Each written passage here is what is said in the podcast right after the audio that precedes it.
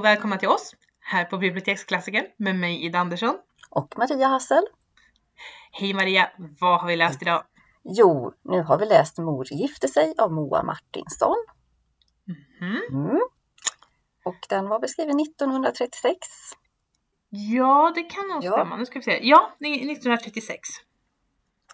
Och som sagt, vi hade ju Nässlorna blomma förra gången med Harry Ja. Martinsson. Precis. Uh, som är ju bägge två det som, alltså proletärförfattare, statarförfattare är, Moa Martinsson, vilket är nästan ännu mer, Ja, är, ännu, längre, ska säga, ännu längre ner på skalan i, i klassamhället än proletärer. mm. Ehm, och det här är ju Mor gifter sig är ju hennes lite grann, hennes svar nästan på Nässlorna blomma och alla, för de här proletärförfattarna skrev ju sina uppväxtromaner om sin ungdomstid och hur, ja, hur de kom, deras barndom och ungdom och ja. Och då tyckte hon att hon skulle göra det också för att skildra sin värld och vad hon Precis. hade varit med om och vad, vad de kvinnliga prol- proletärerna, hur deras liv ser ut. För det var ju lite annat än Ja, männens och pojkarnas naturligtvis. helt klart. Mm. Så då gjorde Mor gifter sig då den första i vad som blev en trilogi om Mia. Som ju är en lätt, ehm, ja lätt, den är starkt självbiografisk är den. Ja, det är den. Det är den. Ehm, Sen talar man vet- inte om allt. Det är väl det Nej. man nämner, är ju liksom att eh, en del tar man inte med för att det är för hemskt eller eländigt eller man kanske inte vill hänga ut någon för mycket som inte hör. Ja, Precis. Hon är ju inte... Alltså har du levt då känner du säkert igen det. Alltså om du är någon av personerna i boken så känner du säkert igen det. Men det är ju omöjligt att placera de här människorna, vilka de är i övrigt. Mm. Tror jag. Eller jag tror, jag vet inte om hon använder riktiga namn, jag tror inte det. nej det tror jag inte. Nej. Hon, försökte ju lite sådär eh, gömma Mm. det hela och hitta på liksom andra ord för vägar och grejer och sådär. Men, Mm. men precis. De som kände henne och visste trodde ju att hon hade glömt då liksom att men det är ju det här, det heter ju så liksom. Så att de, de i hennes, eh, vad säger man, närtid liksom, de kände igen det men, eh, Ja. men personnamn och sånt var ju ändrat tror jag. Ja. Ehm, så. Det blev, som sagt, det var en trilogi. Det första Mor gifter sig, eh, kom 36. Sen kom Kyrkbröllop, 38. Och Kungens rosor som kom 39. Mm. Och jag bara läst Mor gifter sig. Ehm, jag har inte läst de andra två. Jag har läst allihop men det var länge sedan så jag kommer inte ihåg så mycket. Men jag, jag vet att jag, jag tyckte om jag tyckte om alla hennes böcker som jag har läst. Faktiskt. Det, de är väldigt lättlästa tycker jag. Ja, det är de. Det är de. Um, visserligen, jag, eh, jag tror jag föredrar Kvinnor och äppelträd, alltså de här Kvinnor och Mm. äppelträd och Sallys söner, de som är Sallys bok. Jag har inte läst alla av hennes, men det är faktiskt, jag har bara läst Sallys bok och eh, Mor gifter sig. Och jag tror jag föredrar Sallys bok. Mm. Ehm, eller boken om Sally heter den ju, eh, när, som samlade ihop de två. Eh, Kvinnor och äppelträd och Sallys söner. Ehm, de var hennes, Kvinnor och äppelträd var hennes debut, kom 33. Alltså debutroman, innan hade, hon hade skrivit förut, hon hade skrivit för tidningar och ehm, hon hade skrivit ehm, i, ehm, eh, vad ska man säga, Ehm, alltså hon hade skrivit, vad heter det? Alltså ja, de kom, hon hade skrivit följetonger i tidskrifter. Ja, just det. Mm. Eh, det var en pigmamma heter den. Som, eh, pigmamma, roman ur arbetarkvinnornas värld och den var skriven mellan 24 och 25. Och det är då en, en skildring av hennes mammas liv. Mm. Ehm, så, den kom egentligen före, men den, de, den publicerades ju som följetong i tidningar så det var inte en, riktigt en bok. Ehm, så. Men hon är väldigt lättläst och väldigt rak. Jag tror det är det som gör Ja. henne lättläst. Ja, precis. Det, nej, det är inga omskrivningar eller sådär Nej. Poetiskt hittepå. Utan! Det, det är liksom rakt på sak mer. Och det är väldigt Mm. eh, lätt att ta till sig och vara där och känna. Precis, om man nu ska ta och jämföra med då eh, Nässlorna blomma som var extremt poetisk. Um, och det, det nästan bara var omskrivningar. Ja, alltså det blev lite för mycket kan jag tycka, men det är ju en smaksak. En del Ja, är det. älskar ju sånt och tycker det är Ja. jättehärligt. Så att, eh, det, Och det kan ju vara också vad du är på för humör. Ehm, absolut. Så. Ja. Ehm, och jag kan förstå och tycka det här liksom med att på ett sätt att göra poesi av även det vardagliga att det inte, och den här det enkla livet att det också kan vara poetiskt. Mm. Det kan jag säga att det, det finns helt klart en, eh, en poäng i det och en, en någonting väldigt trevligt i det, liksom att vilja, vilja lyfta det. Även om eh, han Även om Harry Martinsson väldigt mycket skildrar smutsen nästan på ett Han romantiserade det inte men, men det var ändå liksom ja, omskrivet. Medans Moa ehm, Moa Martinsson, då, det är ju inte poetiskt men det är ändå du är där på ett helt annat sätt känns det som. Mm. Hon placerar dig mycket, mycket bättre i stunden. I den här känslan, i den här lilla barn, det här lilla barnsinnet som försöker resonera sig fram till vad de stora gör och varför de gör så här. Mm. Och det här hon inte förstår. Varför hennes mamma inte, ja. Varför det måste vara så här. Mm. Jag tror det bästa hon har någonting när, när hennes mamma ber henne att ljuga om någonting. För att rädda en annan vuxen. För att de Precis. ska råka, rå- inte ska råka i trubbel. Och hon är så arg! För att när hon ljuger, när Mia, lilla Mia ljuger för att ta sig själv ur trubbel, då får hon stryk. Men när de vuxna, de kan be henne att ljuga för att få ut dem ur trubbel, då är det inga problem. Och det är så här, nej det är ju sant! Det är sant och då blir man lite kränkt och tycker liksom varför Ja. är det så? Ja! Varför det- får de ljuga men inte jag? Och det är det hon är så duktig på, liksom få in det här lilla, ja, lite naiva barnet, hur den ser på, alltså det är så fantastiskt att kunna skildra det och komma ihåg hur det kändes som Ja. barn. För hon är ju ändå en, vad är hon, 46 typ? Den är något sånt. 36 och hon är Ja, född- 46 är hon när hon skriver detta Ja. och kan Ja. ändå få till det så himla bra. Och samtidigt är det ju en berättarröst som är vuxen samtidigt som kan liksom få fram ja, historien liksom mer. Mm. Eh, så att det, det, är så himla smart gjort på något vis. Ja, det är det. Ehm, väldigt sympatiskt. Men sen hon, hon har också en väldig sympati för sitt barn, jag. Hon går Ja. in, det är en vuxen berättarröst men hon går inte in som en vuxen som ja och det förstod jag ju sen och varför det var så här och, och det kan man ju förstå. Utan det var liksom fortfarande nej, så här upplevde jag, Mia det och det har hon rätt till. Det här Precis. är hennes berättelse liksom. Mm. Hon har rätt till sina känslor. Eh, och det är inte... Det är inte ofta man ser det i böcker faktiskt. Den här sympatin och förståelsen för barnet. Definitivt inte i vuxenlitteratur som ska skildra barn. Men inte heller tycker jag alltid i barn och ungdomslitteratur kan man ibland känna lite att de att eh, författarna inte att de liksom inte håller på sin huvudkaraktär. Nej, nej utan de precis. ska på något vis, ja nu- är de lite dumma här så att nu ska jag försöka fixa ut. Utan det är så här, nej, det här känner de och det har de Mm. rätt till. Mm. Ehm, det, det, det kan jag tycka är lite ovanligt. Det finns, naturligtvis finns det. eh, men, ehm, mm, Men det är inte så ofta som sagt man eh, nej, stöter på det. precis. Så det. precis. Vi kanske ska Mm. gå igenom lite vad den handlar om. Ska vi försöka lite sådär i Ja. svepande drag kanske? Det, det blir svepande. Den är ju också, den är ju...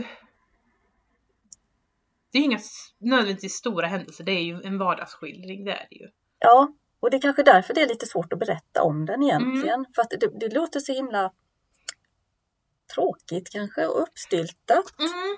Men det är det ju inte när du är där och läser det. För då, det är ju liksom livet Mm.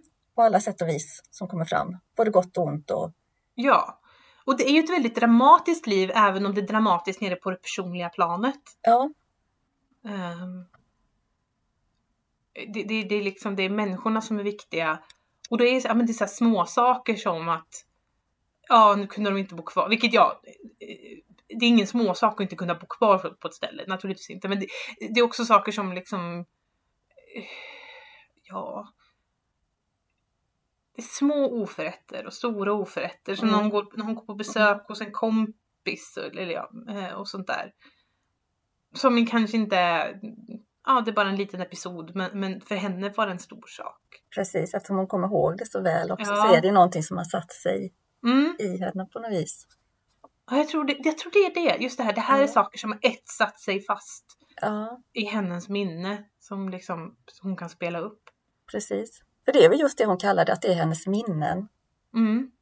när hon liksom själv berättar om boken om man säger Mm. så. Mm. Ja. Men som sagt, eh, ska vi ta lite då? Ska jag börja lite så får du hoppa in när jag tappar tråden. Ja. ja, för det är ju då, eh, ja det har vi redan nämnt att den är ju självbiografisk. Det, det är den ju till stora drag. Och den utspelar sig då runt 1900-talet kan man säga i Norrköpingstrakten runt omkring där. Mm. De flyttar ju väldigt mycket, det är ju det som ja, utspelar sig mycket. Eh, och lilla Mia då som hon kallas, hon eh, är ju oäkting. För hennes far var ju alldeles för fin för att gifta sig med modern då. Så hon, eh, det var väl så att hon, hon fick väl en peng. Men Mia kunde ju inte, fick, har ju inte fått bo med mamman. För hon var ju Nej. tvungen att arbeta. Så att den pengen fick ju morfadern. Mm. Eh, Men han, tror han gick i borgen för ja, han gick i borgen för en granne eller något sånt här. Så att Mm. de pengarna försvann ju. Den lilla, lilla tryggheten som hon hade då. Så att eh, hon fick hon jobbade på fabrik och lite Jobbar, olika ja, ställen. Mor jobbar vad hon kan. Mor Hedvig. Hedvig ja. hon. Hon, jag tror hon, tar, hon är fabriksarbeterska men sen hon gör vad hon kan. Ja, hankar sig fram och då eh, så hon får ju bo hos olika Ja, hon bor ju hos mormor och morfar först tror jag, så länge Mm. de klarar det. Men det, morfadern dör ju efter något år bara och mormor kan inte ta hand om henne. Och då hamnar hon hos eh, en moster. Men hon har ju sin familj och bor väldigt trångt och har barn och inneboende också hos sig. Så att det är ju inte så där jätteroligt. Man märker ju det att hon, hon tyckte att moster var väldigt elak. Eh, och att det, det var inget, inget kul att vara där. Eh, men när boken börjar här då ska ju mor gifta sig Mm, med Albert Stenman. just det. Eh, och det tycker ju Mia är väldigt onödigt Mm. egentligen. Eh, det som är positivt är ju då att nu får de ju äntligen bo tillsammans. Eh, så de flyttar in i något, ja nu vet jag inte riktigt vad det är för ställe men Övägen är det väl de flyttar till först? Ja, det är det nog ja. Precis. Och eh, modern har gjort ja, det är ganska fint. Alltså hon Mhm. trivs, hon ska få en egen liten soffa att sova i och liksom så här. Ja, det, är- det, det är ett mysigt ställe Mm. känns det som. Att hon tycker, att, tycker om det. Och, eh, men mamman tycker då att hon ska kalla styvfadern för pappa nu. Mhm. Men det, det har hon väldigt svårt för. Så att, eh, det är ju farbror typ. Det, det Ja. tar lång tid innan hon eh, säger pappa till honom. Hon gör väl det lite längre fram men eh, Ja, men det går över. det, ja, det är lite så. Mm. Det beror lite grann på hur hans uppförande också. Precis. För Hur han, hur han så. beter sig. Mm. Jo men det är sant. Men, för det är, jag tycker det är lite oklart om, mam, om mor gifter sig för att hon verkligen vill vara med Albert eller om det är en kombination att när hon gifter sig med honom kan hon hämta hem Mia. Att han ger henne Mm. möjligheten att ta hem Mia. Mm. eh, Att ge henne ett hem. Om det är en av drivkrafterna också, att- så att det inte bara är att här är en karl hon har blivit kär Även om han tydligen ska vara väldigt vacker, vilket Mia aldrig ser. Nej, hon förstår ju inte alls liksom, vad är det de ser. Han har en löjlig mustasch ty- typ och så lite Ja. sådär. ja. Det, men samtidigt, det, det känns som att eh, mamman är, har käns, alltså varma Mm. känslor för honom. Att hon har svårt att gå ifrån honom och släppa honom även om han senare då Ja, han är ju periodare. Han dricker Ja. till och från. Och när han inte dricker då, då funkar det ju bra. Han sköter sig och då har de ju det ganska hyfsat Mm. ändå. När han inte dricker och när han inte är med någon annan. Ja, För för det är ju är det också. Han kan ju inte, inte hålla sig trogen. till... Nej, han kan inte hålla sig till en kvinna utan Nej. det är lite här och där. Och sen är det ju det att hans perioder tycks sammanfalla ganska tydligt med när Hedvig blir gravid. Precis. Det, det är väldigt tydligt att det är då han eh, ja, sticker liksom Ja. och lämnar henne när hon har det som tuffast och Mm. verkligen får slita. Och det, Ja, är klart, för- det, det- det, det ser ju det här lilla Mia-barnet Mm. liksom att han är ju ingenting att ha. Men eh, ja, hon får ju liksom bara anpassa sig och hänga, hänga med Ja, på något vis.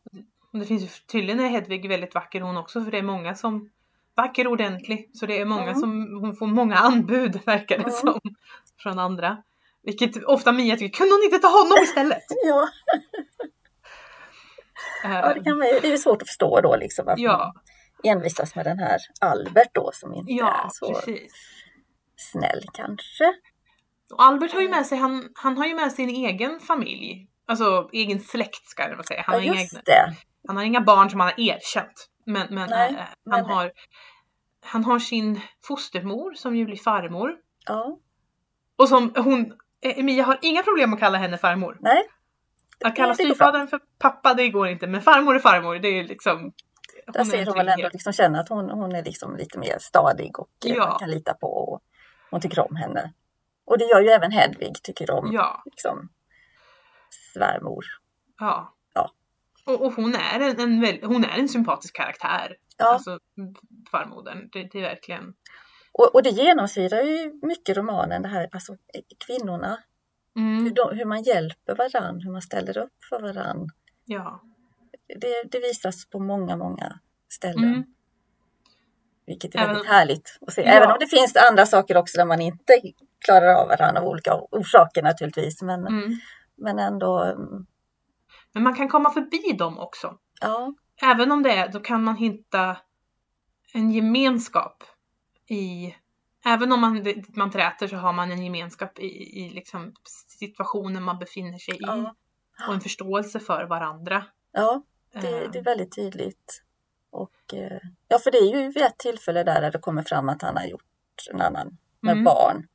Och han blir ju stämd av den Mm. kvinnan då. Och eh, då går ju mamma Hedvig och hämtar det här lilla barnet. Ja, Men hon får ju lämna tillbaka det då. Men, ja. alltså, det är Albert lite det vill här, inte ha det. Nej, precis. Men hon tycker liksom att nu får vi ta hand om det här också. Liksom. Ja, För att hon har det ju inte så lätt den andra kvinnan, för hon har ju fler barn vid, alltså också. ja, Och jag tror de har jobbat ihop på fabrik, Hedvig och den här kvinnan. Så, att, Mm. eh, så där märker man ju ändå att man liksom, hon är liksom inte arg på henne nej, i den situationen, utan det är ju Albert som ja. är skurken. Ja, det är verkligen det. Att det är inte det här som... Och det är också känns väldigt ovant att läsa det i, i någon kulturyttring. För där är det ofta det. De, de, folk gillar att porträttera kvinnor som ligger i luven på varandra över en man istället för att liksom, "Ja, men det var ju mannen som har Mm. varit otrogen eller som Mm. inte som har ljugit för er. Men då är det kvinnorna som ligger i luven på varandra. Här är det så att nej, han är ett kräk. Mm. Jag förstår dig. Jag tycker inte om vad du har gjort, men det är han som är kräket. Du har inte lovat mig någonting, han har gjort det. Precis. Eh. Och det är som en frisk fläkt sådär man Ja. tycker att yes. Jag förstår inte varför det ska vara så ovanligt att läsa det här, men det är det och då är det så skönt att läsa det. Ja men det är det och det, det är nog därför jag tycker så mycket om den just för att det Mm. den är och Hedvig verkar ju väldigt Alltså hon är ju stark, en stark kvinna Ja. och en rak kvinna och liksom står upp för sig själv och andra. Mm. Och det kommer fram väldigt tydligt och det, det är också väldigt härligt på något vis. Att man inte bara är underkuvad och liksom utan hon kan ju dänga till Albert också när han är, är dum Ja. typ liksom. Så att det så att det, ja. Mm. Och det är ju så, hon är ju nästan, hon är ju nästan, alltså hon är en lika stor försörjare av familjen som han är. Oh ja, Eh, och tidvis mer när han Ja. är i en av sina perioder. Ehm, och det är hon som får det att gå runt, det är hon som ger dem ett drägligt liv. Det märks så tydligt att vid stort sett alla hennes graviditeter mår hon väldigt dåligt av. ja. Mia beskriver det som att mamma höll på att bli tjock igen.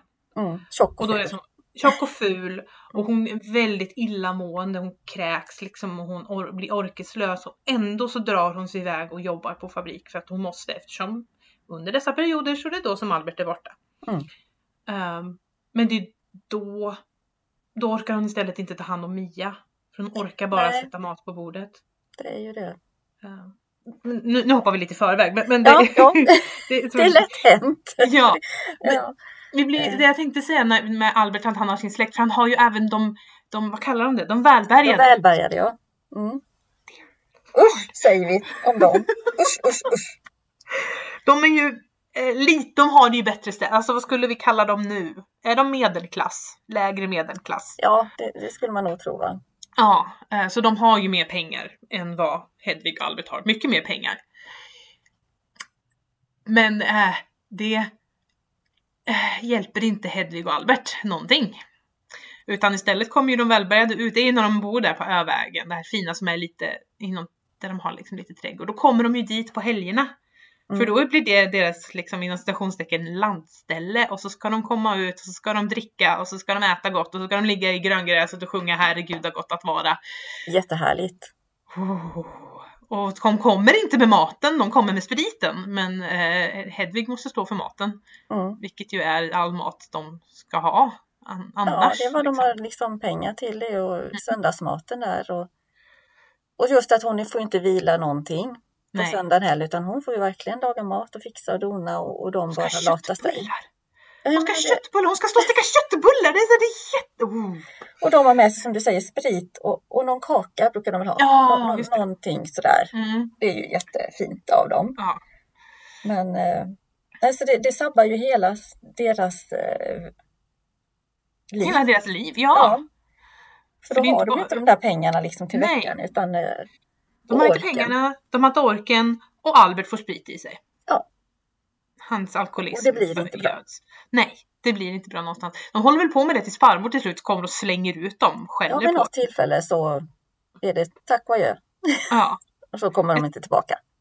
Jag, vet, jag tror jag nämnde det, jag vet inte om, vi hade, om, det, om jag nämnde det när vi spelade in, men när vi, spelade, när vi, när vi hade läst Anna Karenina, Mm. kommer du ihåg vad jag pratade om? För då hade de ju också det här, de lite rikare familjen som kommer ut på landet och liksom Och bara ska liksom Ja, ha det precis. gött. Så. Ja, precis. Ehm, så det, det känns som att det här är inte... ehm, det är inte bara stackars Nej. eh, Mia som råkar ut för det här, det här är någonting universellt. Vanligt eh, beteende Ja. tydligen hos välbärgade så. så. Ja. Ska ut på landet och ha det Mm. Och på landet, och har man då någon släkting där som bor perfekt, då, då kommer man att bli uppassad också. Ja, nej, jag vet, det reagerade på allra första gången jag läste också. Liksom, att Ja. Men hur kan man bete sig så här? Nej, hur kan man inte inse liksom att nej. Nej, man är väl så inne i sig själv att eh, man ser inte hur andra har det. Utan, Nej. Men, ja, nej. Lite folkvett kan jag tycka att man ska ha, men Det nej, kan man nej, ha, ja. Mm, tydligen inte. Ehm, ja, mm, nej, men är, de, är, de bär väl en ganska stor del av skulden till att det inte går bra, de inte- till slut inte kan vara kvar på Övägen.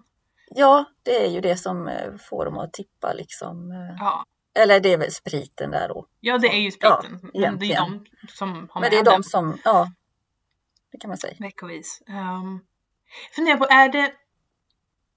Det är när de... Går de från Övägen? Var flyttar de från Övägen? De flyttar inte till egna hem från Övägen va? Utan har de ett ställe innan dess? Eh, Det är väl ett ställe innan. För, Ja. för, här, för, för det, på det första stället de bor, där, där blev hon inskriven i skolan också. Hon började skolan. Mm. Och, men där är ju lärarinnan inte särskilt snäll. Nej. Mia Nej. kan ju redan läsa och skriva men det uppskattas ju inte alls. Och så här så att hon blir väldigt nedtryckt och, och så.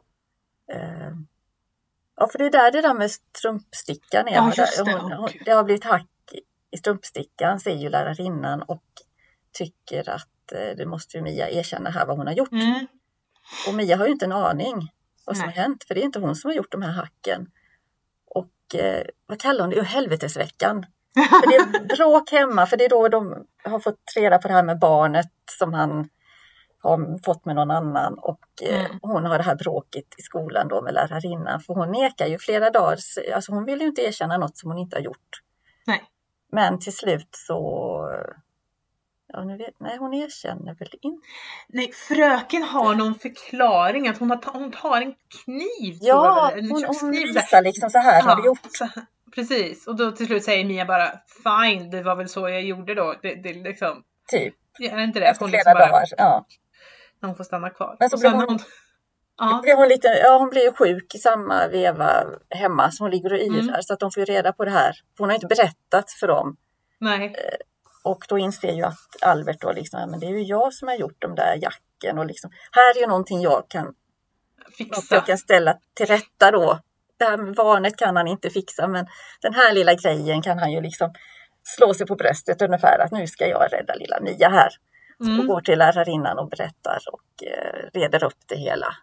Men ja, det blir ju inte bättre för det Nej. egentligen. Alltså, så att, eh, och sen flyttar de väl ganska så snart efter Ja, det där för han blir väl uppsagd och han har inte skött jobbet och, nej.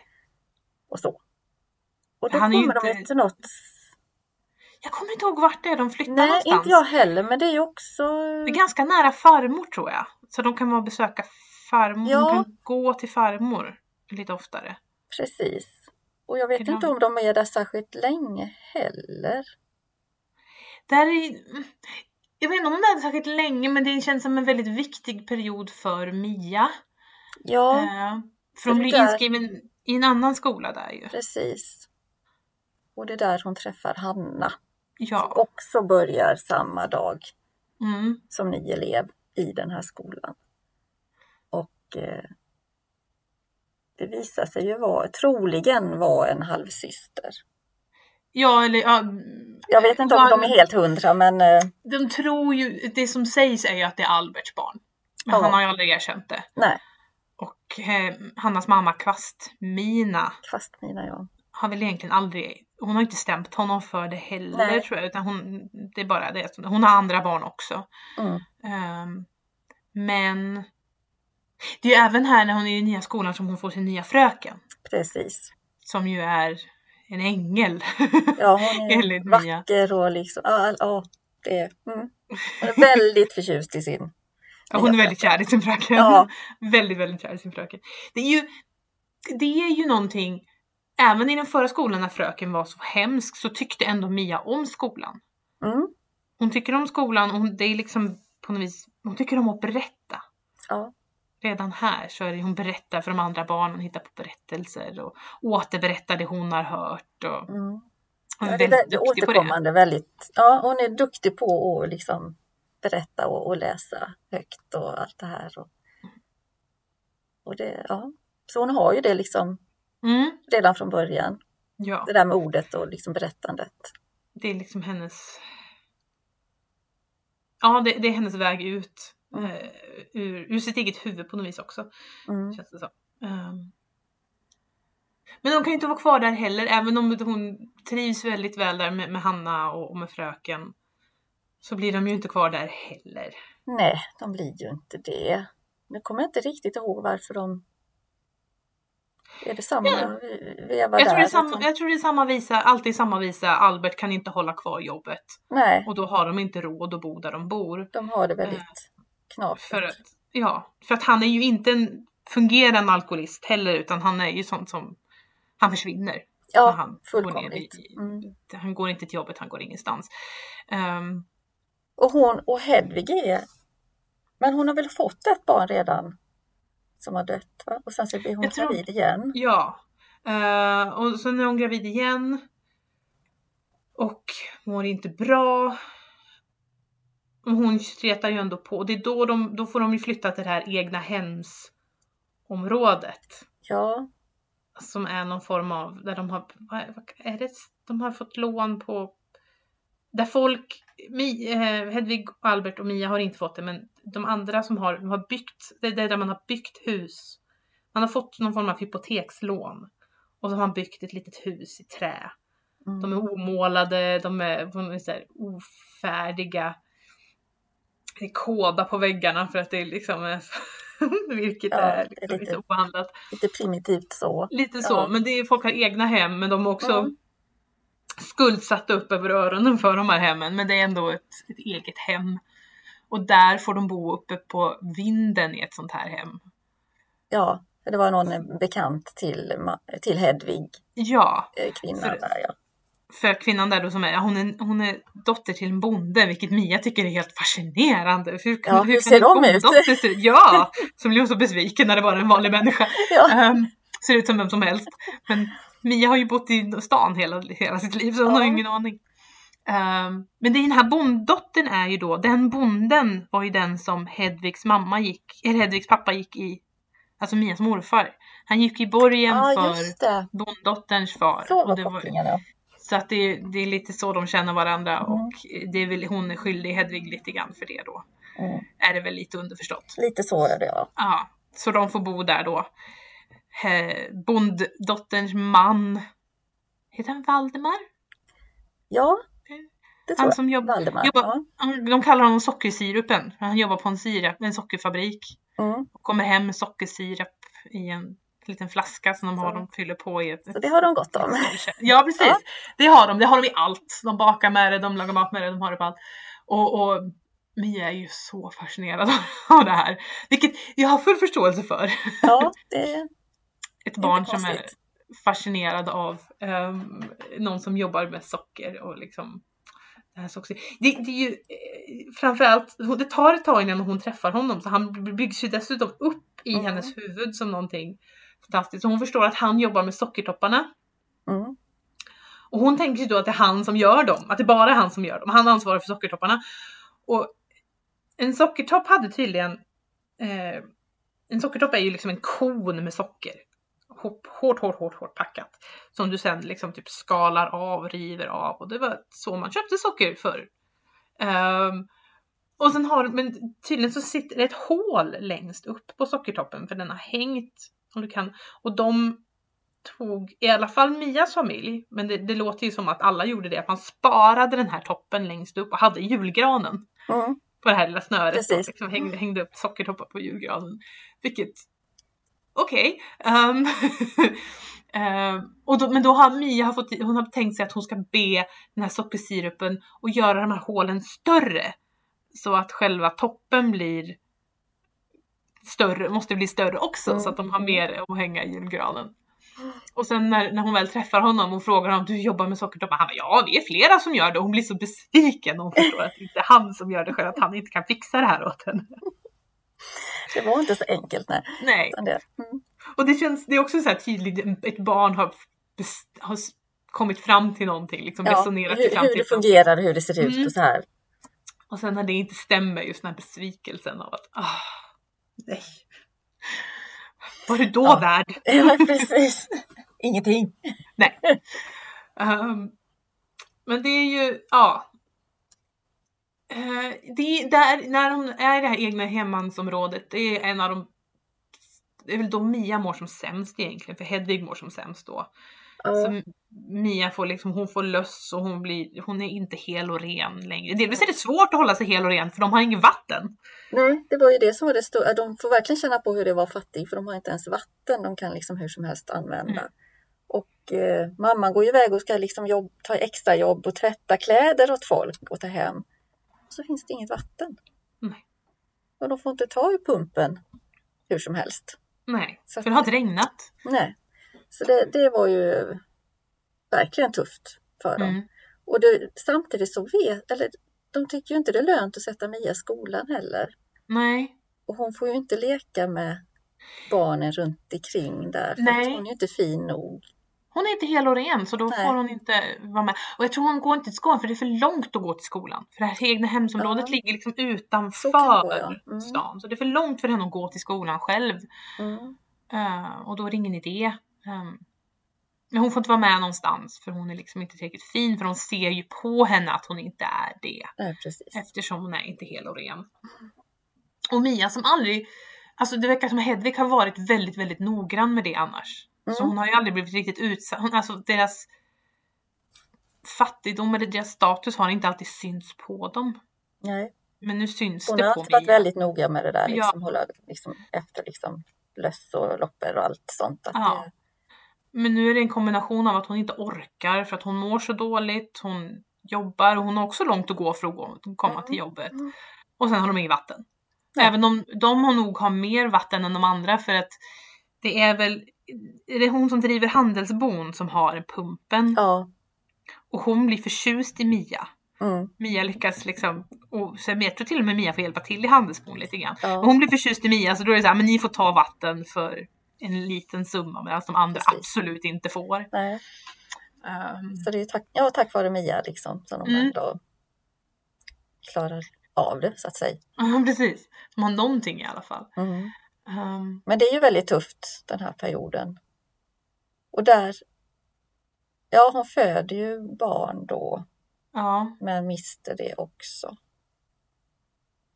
Och det är väl då hon ska, mm, för då klär hon ju upp Mia, hon är väldigt fin och ska gå och köpa blommor till handels, mm, ja, föreståndaren där, eller Mm. föreståndarinnan. Eh, en bukett blommor för att hon har hjälpt till under den här ja, tiden Hedvig varit som sämst. Och då är hon ju uppklädd och vacker och, och går och handlar hos trädgårdsmästaren, går och handlar blommor och då får hon till och med päron på köpet bara för hon är så fin. mm, Och det är så konstigt det där liksom att ja, när man är fattig då får man liksom ingenting. mm. När man behöver som mest liksom. Men när man då är fin och så, då, då får man lite extra och liksom alla är så glada. Och barnen vill ju leka med henne. Men då har ju inte Mia lust. Mm. För hon känner väl de här känslorna, liksom att dög jag inte innan så har inte jag lust att leka med er. Nej. Jag tror hon gör det för de hoppar väl hopprep. Ja, och då gör hon det bara för att precis. visa hur pass Mm, bra hon Att hon är. kan, för hon, det kan Ja. hon ju väldigt bra liksom. Men Och det- eh, det är det enda lilla hon bjuder på. Ja. Ja, det... Det är ju Så väldigt tydligt det här liksom att ja, lortiga barnen, det vill inte de vuxna ha med något att göra och det är de som behöver de vuxna. Mm. Men, Det, det är ganska typiskt, alltså, mm, det är så det är. Men hemskt. mm. Jo, tyvärr är det så. Är det när de är i egna hemmansområdet som... Det är det väl som... Eller nej? Det är när man flyttat därifrån, flyttat till ett annat ställe. Då bor de med en kvinna som har... Hon har barn som hon väntar på att de ska komma och hämta till en institution. Ja, just det hade jag glömt. Var var det någonstans? Jag tror det, de har flyttat från egna hemmansområdet efter åh, diverse bråk och gräl Ja, mellan så kan det vara, ja. eh, Albert och eh, sockersirupen. Liksom. ja. De har flyttat därifrån. Och, så kommit, och, för, och för då är det ju då, det är fortfarande det, det är mest Mia och Hedvig som bor. Och sen en kväll kommer inte Hedvig hem och Mia har ingen mat eller någonting. Och hon kommer Nej, inte just hem. det. Hon vet inte alls vad... eh, Nej. Och nej, får- det finns ingen mat hemma. Hon kan liksom inte Nej. själv ta sig någonting. Och då får hon, annars är hon duktig på att rå sig själv. Alltså, Ja, det, de, det de lever på känns det som är kaffe och vetebröd. Ja. Det, det, det, det är det de äter. Kaffe och, och någon form av vetebrödsskiva. För att du kunde få dem ganska billigt dagen efter ut vad jag förstår. ja liksom det är nog det. Jag undrar hur pass... Ja, jag vet, vill inte tänka på hur de, hälsan egentligen var med dem, men, men så är det.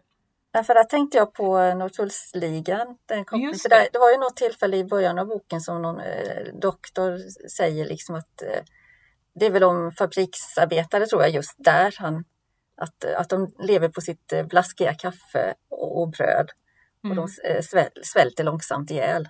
Då Mm. tänkte jag på den här kvinnan i Norrtullsligan som faktiskt, hon dör ju lite sådär konstigt, man får inte riktigt veta men det känns som att det är någonting Mm. sånt upp till i alla fall. Så att, eh, Ja, Ja. bristsjukdom. och det var ju typ samma period Ja, den utspelar sig så att det var nog vanligt att det var billigt att köpa och så lever man på det och Ja. ingenting annat. Vet, Ren bukfylla liksom. Ja, Ehm, men då är det hon, grannfrun då med barnen, lämnar dem hemma så hon och, hon och Mia går till, går in till där Hedvig jobbar. Och då har hon jobbat över för hon har jobbat på ackord. Så hon Precis. jobba färdigt det och så har hon Mm. tjänat bra. Men klockan är nästan midnatt när de hittar Mm. henne. Och de är iväg, de går, till, de lyckas komma till något ställe där shoarna äter i vanliga fall så, där, så de får i, de får mat. mm. Ja, för då har hon ju fått liksom lite pengar för det här och Mm. det är ju faktiskt väldigt uppåt. Ja, jag tror Mamman det var där. För ja, nu jag har tror det hon var liksom- 10 kronor till och med. Vilket Ja, så det var en stor enormt. summa. Ja. Hon var jätteglad att hon har liksom Mm, var klar och precis, kunde leva på det ett tag. Mm. Ehm, och sen är det då de går också till någon form av spådam, spådam. Ja. som grannfrun Det tycker är de också en äcklig beskrivning hur, Ja. hur de lever och den här sjuka mannen. eh, Ja. Ja, nej usch, det är lite, men ja. Det, det, och det, hon, beskriver, hon säger ju det också, Mia, eller som den vuxna berättarrösten, att det här, då fick hon ett ögonblick som mest fasansfulla ögonblicket i hela sitt barndomsliv. För det, alltså, det, Ja. har, det är som att det är en scen som verkligen har etsat sig fast Ja, i hennes minne. Usch ja. Ja, den är... Ew, ew. Ehm, men det är väl inte jättelångt efter det som de fa- faktiskt flyttar ut på landet. Vi gick på landet. Nej, jag, jag tror det är bara en kort, alltså. Ja. För då har de fått jobb på en Mellanperiod så. gård. Ja, de har fått jobb på en gård och får bo då i någon form av jag vet inte om man ska säga länga, för det är vi är inte nere i Skåne utan vi är ju Östergötland. Ehm, De, de hamnar ute på Vikbolandet så de är inte så långt från Kolmården där då. Men det är ju det. utanför stan. Tänker mig någonstans. Det kanske eller något sånt där. Ja. De är ute på någon gård då, där, där Albert ska jobba. Och Hedvig är väl inte jätteglad, hon trivs inte på landet. Nej, hon är väl liksom en stadsmänniska egentligen. Liksom. Ja. eh, Så att, mm, Och det är det lite är också- svårt. Ja, och det är svårt för henne att få saker att gå ihop på landet. Hon har inte det Nej. stödet. För att hon kan inte, hon kan inte gå till pantbanken, det är för långt. Mm. Hon kan inte, hon kan väl gå till Handelsbon och typ få kredit, men det är inte riktigt samma sak. Hon kan inte få jobb, alltså hon kan ju bara få jobb på gården. Ja, nej, det är inte de här extra jobben kanske Nej. som hon lättare kunde få i, i stan då. Ja, Så att hon har det mycket tuffare att få det Ja. gå ihop helt enkelt. hon är ju lite utlämnad till att nu måste det gå bra med Albert. Ehm, och här får inte Mia heller gå i skolan för att det är för långt bort. Mm. Ehm, men här sköter sig ju Albert bra. Ja, det går ju ändå hyfsat bra och de har ju Och- liksom grann... Eh, det är ju som att det är två familjer som bor ihop. Ja, Eller, eller ihop, men De- alltså med de en hall emellan. Liksom. ja precis, de delar Mm. en hall, en, liksom Mm. en entré.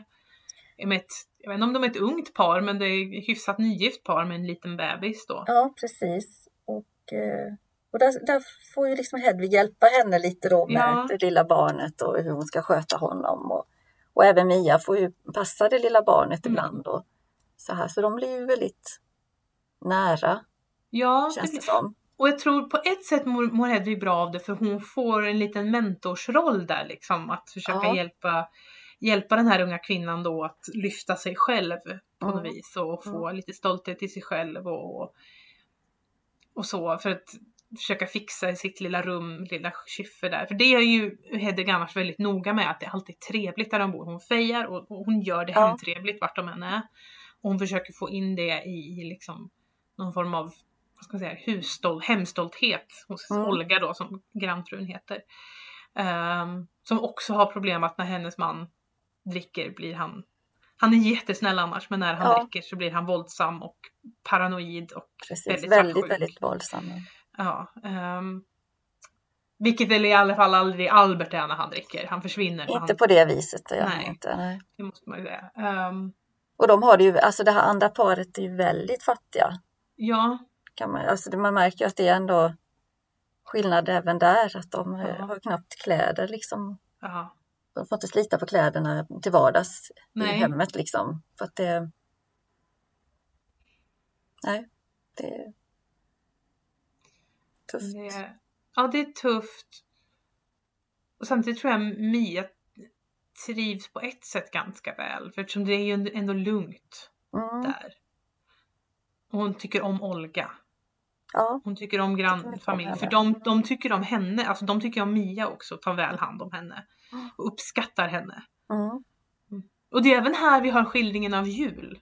Av mm, julfirande. precis. Och jag tänkte på det i och med att vi pratade om det i till förra eh, boken då, liksom att det här och här får man ju väldigt mycket se just hur kvinnorna jobbar och jobbar och jobbar för att de ska få någon form av dräglig jul. Ja, det är Ja. väldigt tufft. Och så där Det- spriten de ska få männen sen. Det- Alltså det, att det ställer till det. Fast denna, här är det ju, nu kommer jag inte ihåg vad mannen heter, Olgas man heter. Nej. Han, han hämtar ju, han Aha. super sig ju drängfull i alla fall. Ja, han är Fullkomligt. fullkomligt. Och det är då han kommer och anklagar och säger att barnet inte är hans och, och Ja, de har gjort nya fina gardiner till Olga som förut bara hade klippt gardiner av papper. Fin- och då slänger han snus på dem och liksom helt, Mm. helt odräglig. Fruktansvärt. Um, Och Olga, han- har, Olga har väl gått och gömt, alltså hon har gömt sig för hon vet Ja. det att hon alltid måste bort måste därifrån bort. för annars kan hon bli ihjälslagen. ja, han, han, så. Så, så det är Så- Hedvig som tar dusten med. Ja, och han slår ju inte Hedvig då, men Nej. han drar sig ihop så hon får liksom bara typ skjuta in honom på något vis, dra in honom i deras hus, Ja. deras rum och stänga dörren för farmor ska ju komma på besök och då kan ju inte Precis. ha honom liggande i förstugan Nej. helt redlös. Um, Nej, liksom drar in honom och stänger dörren. Oh. Men sen är han ju, när han väl nyktrar till, han är ju ångerfull efteråt. Inte så ångerfull att han slutar dricka, men han är ångerfull. Vilket ju Mia tycker, det är ju någonting nytt för Mia, för Albert ber ju aldrig om ursäkt. Nej, För om man han, kör har gjort. på så händer det Han igen kör- liksom. han kör på, han kan möjligtvis komma med mutor, att han har köpt något fint, mutor och fina ord, men aldrig att han ber om ur- ursäkt, utan det är Nej. liksom bara, han är, han är god igen liksom. Och Mia tycker det liksom att, då tycker hon det här är bättre för att grann, grannen är ju i alla fall, han ber om ursäkt och liksom Ja. vet att han har gjort fel. Han erkänner det. Så att, ja. Precis. Men som sagt, inte tillräckligt för att han ska sluta dricka. Brännvin ska Nej. de ha. Men jag tror då att antingen tror jag han, om han dricker upp större delen av brännvin, för jag tror aldrig, aldrig Albert riktigt får tag på brännvinet där vid jul. Nej, för han är väl och hämtar farmor också i Precis. stan. Så att, eh, jag tror det blir ganska lugnt för dem just för Mm. detta att eh, just själva julen där. Ja, han hämtar farmor. Farmor har blivit nyfrälst. Ja, just det. Uh, i typ någon, någon, någon lite mer, ehm, någon version av Frälsningsarmén som är ännu mer arméig. Ja, precis. Kan, jag kommer inte ihåg vad de kallar sig men det, det är någonting de, någon bata, just stridsbataljonen eller någonting Ja, kallar de något sig. Så där, riktigt. Så de håller ju ett litet bönemöte och allting och hon har inte med sig någon present för att nej men ska, man ska inte fira Jesu födelse på så vis. Man ska bara vara tacksam och Mia är så besviken. Jag är jättebesviken, ja, för det var inte alls det. Hon, alltså, farmor brukar vara så snäll och rar och liksom så Ja. kommer hon här och bara ska be hela tiden. Ja. Stackars. Och, och Hedvig säger ju liksom att det är, att, ja, det är för att vi inte är där har hon dragit sig in i den här gruppen då. Mm. Men då i och med att de är, då är det så väldigt religiöst som man ska böna så det är ju, tror jag en annan anledning till att Albert inte dricker då därför att det blir liksom äh, det känns inte rätt till om han Nej. lyckats hålla sig. Så då, som sagt, det är lugnt där då. Mm. Men sen kommer det ju bud från stan. Ja, att maken till farmor har Gått bort. gått bort. Ja. Så då måste ju Albert åka tillbaka in till stan med farmor efter Ja. Det är väl efter nyår tror jag. ja, det känns som att det är ja, Ja. en bra bit efter. Mm. Hon stann, farmor stannar väldigt länge.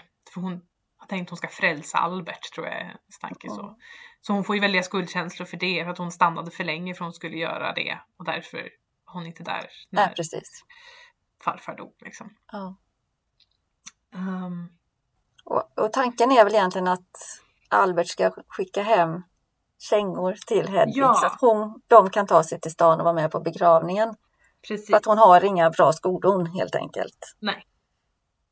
Och det är svårt att få tag på på landet och sådär. Så Ja. men farmor har ett par avlagda som ska skickas då. Mm. Men eh, nu har han kommit till stan så det går ju inte så bra. Nej, det gör ju inte det.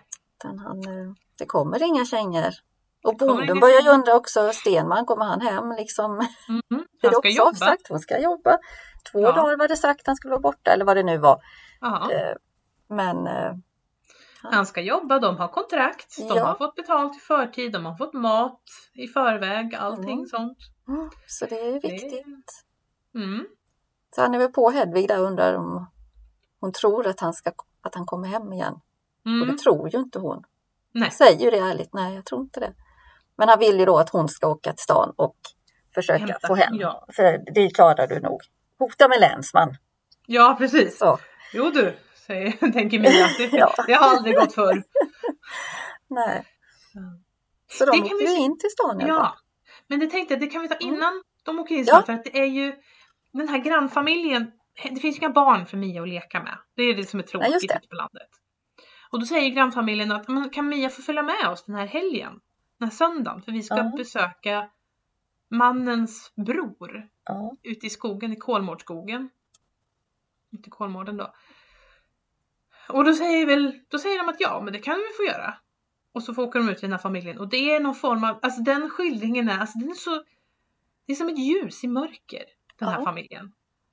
För det är en familj där, även om de är fattiga, de är jättefattiga, men de har det ändå bra. Mm. Och de mår bra och de tycker om varandra. Mm. Och man hjälper till och man liksom... Ja, man hjälper till och man hjälps åt och man är nöjd med det man har. De, de, de gör raggmunk, det är söndagsmaten. Och Mia tycker liksom, det här är ju perfekt söndagsmat. Varför ska man stå och göra köttbullar för? Det här är ju så mycket bättre. För det har de gjort dagen före och sen har de bara kunnat värma på det. Ja. Så kan Och man de- verkligen de- ha söndag liksom och, Ja, och vila och göra annat.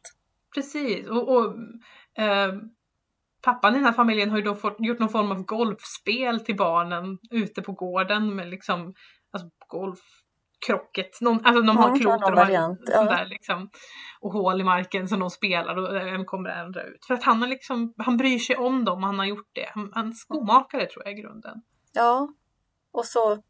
Ja, även att alltså barnen räknas. Ja, Märker man. Alltså, barnen får vara med, sitta med och liksom... Det, ja, det är en helt annan... Det är liksom en familj. Ja. En verklig familj. Sen är det ju att det finns ju en tragisk historia här också att mamman i familjen hon gråter ju när hon ser hästar därför att hon kommer ju från en rik familj från början och så blev hon utslängd när hon blev gravid då Ja, med med någon som inte var tillräckligt fin. Ja. Och att han, men att han, och hon är då ledsen för hon har förlorat det men samtidigt känns det som att men han tog ju sitt ansvar, eller han har ju liksom då, jag vet inte om det var hans barn, jag tror det var hans barn. Jag tror det. Det, Ja, det kän, känns så ja. men han lämnade inte henne och han har Nej. aldrig lämnat henne. För att hon fick ju inte ens behålla kläderna på kroppen. Nej. Utan hon, han fick ju möta upp liksom och, och hon fick klä av sig och han fick ha med kläder och sen Ja. fick hon ingenting. Och hon är ju då ledsen för att hon har förlorat men samtidigt känns det som att hon har ändå fått det bra jämfört med liksom andra. Ja, Jag tror hon, hon lugnar sig väl lite grann. Det är mest när de kommer hon är så ledsen hon ser hästarna. Men ja det blir väl sig att det tippar grann. över liksom, det kommer minnen Ja. kanske sådär men sen och hon, hon är, verkar väl lite svag, alltså lite, Mm. eller om det om man Men det också- eller, eller det kan vara alltså att man har liksom någon depression, liksom lite sådär. Alltså det känns lite så vara, att hon är ändå lugn och ändå liksom är trygg i det hon har där. ja, sen, det kan ju vara också det här att men, hon är inte uppvuxen i fattigdom. Hon vet inte alltid hur hon ska hantera allt. Alltså då Nej. är det tufft. Det blir ännu tuffare ju för att Mm. då vet du vad, hur man kan ha det. Mm, du vet hur du kan ha det och du vet kanske inte. Det är en läroperiod som hon kanske inte riktigt har kommit in i ännu Nej. efter alla år. Liksom hur du faktiskt ska hantera. Men samtidigt är det ju det materiella då. Mm. För annars det andra verkar ju vara väldigt fint och de verkar ju verkligen älska varandra Ja. och barnen och allting. Så att, Och de är ju väldigt sympatiska också. Mia som liksom fnyser åt liksom folk som dricker. Varav då liksom pappan i familjen säger att Nej, men det, är inte, det kan finnas anledningar till det. mm, Till varför man gör det. mm, Om att man, han, de ska inte döma någon. nej, Så här riktigt. Alltså de, de, det är en sån det var en så trevlig liten familj. De förekommer bara en, kort, kort stund. Men det, är så här, det är som en bild att så här kan det vara. Precis. Det finns Om man- alternativ liksom. Ja, om, om man bryr sig. Och då känns det, när man läser den då, det är ju väldigt vinklat, men då känns det som att så här kan det vara. När du har en fadersfigur då i en familj som faktiskt tar sitt ansvar. Mm, Helt plötsligt så blir livet så mycket enklare. Mm. När du har en man i familjen som inte super och som bryr sig om sin familj. mm, Då funkar det. Även när man är liksom fattig och då, då går det runt. Man då jämför med alla andra historier som har varit liksom att eh, med trätor och med, både med, med, med Hedvig och Albert och med Olga och hennes man och även liksom alla andra kvinnoporträtt. mm, Har du liksom en, vilket ju är väldigt, jag tror det är meningen från Moa Martinssons sida att visa på att kvinnor kan vara hur starka som helst. Mm. De kan kämpa på och de kan liksom få det att gå runt. Men om de inte har en man så är, som hjälper dem så är allting... Om de bara har en man som hjälper dem så helt plötsligt blir livet så mycket enklare. Mm. Att det är, det är inte, och då är det inte menat att mannen är stark och bra utan det är snarare att kvinnor även, de är, de är arbetarklassens kvinnor är inte bara arbetarklass, de är även kvinnor. De har det här dubbla förtrycket Mm. av att vara arbetarklass och att även liksom ha från manssamhället då. Att de måste ha en man som, om de inte har en man som fungerar i samhället så blir det så mycket svårare. Mm. Att det krävs så lite av, liksom, av mannen på något vis för att få det att gå runt på ett bra sätt. Ja. Ehm, det, det är liksom en liten kort, men jag tycker det, det är liksom Den är en väldigt viktig bit liksom Ja. i, i det hela. Ja, det för, för att liksom visa på att ja, när den här pusselbiten finns, Mm. då helt plötsligt så blir livet så mycket lättare. Mm. Ehm, ja, Och lilla Mia blir också väldigt förtjust i den här Ja, eh, just det. mannen också. Och han är ju så det vacker. Ja. Och, och så just att han, han läser ju Erik Kristens resa. Han läser ur på eftermiddagen där. Liksom, Mm. Hon blir helt betagen. De menar på att ja, men det är berättelser från Bibeln. Hon bara, nej men det har jag aldrig sett något Nej. liknande i Bibeln. Jag letar ju efter det sen men inte, hittar inte riktigt. hon läser, jag tror hon läser hela bibeln Ja. och läser bara för att leta efter det här och hittar det inte. Nej, Ehm, så det, ja, det, det är tufft för lilla Mia. ja. Ja, för Hedvig vill ju inte att hon ska läsa bibeln, det Nej. finns ingen mening med det. Hon har, hon, även, det är det som är lite fascinerande också för att även om Mia är duktig på att berätta historier så kan hon inte alltid lägga fram sin sak på ett bra sätt. Framförallt till mor då. Nej. Så att de ska liksom förstå varför det här är så viktigt för henne. Men nej, det, det, det går inte fram. Hon är missförstådd lilla Mia. Ja, det är hon. Ja. Gud vad är hon? Hon är bara typ åtta eller någonting. Ja, något, något Ja, hon, sånt är väl när, de är ute på, när de är ute på landet är hon åtta. Stackars liten. Då är man inte så stor. Nej, det är man inte. Ja, ehm, just det. Nu kan vi... Mm.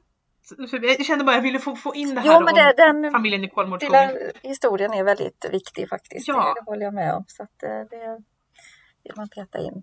Ja. Men Men nu nu var vi- där med, med kängorna, jag som han, Ja. Albert, då, Men- pantsatt kängorna Ja. istället. Jo, de upplägger, för bonden ger dem pengar för att köpa kängor och ta sig in i stan för att hämta honom.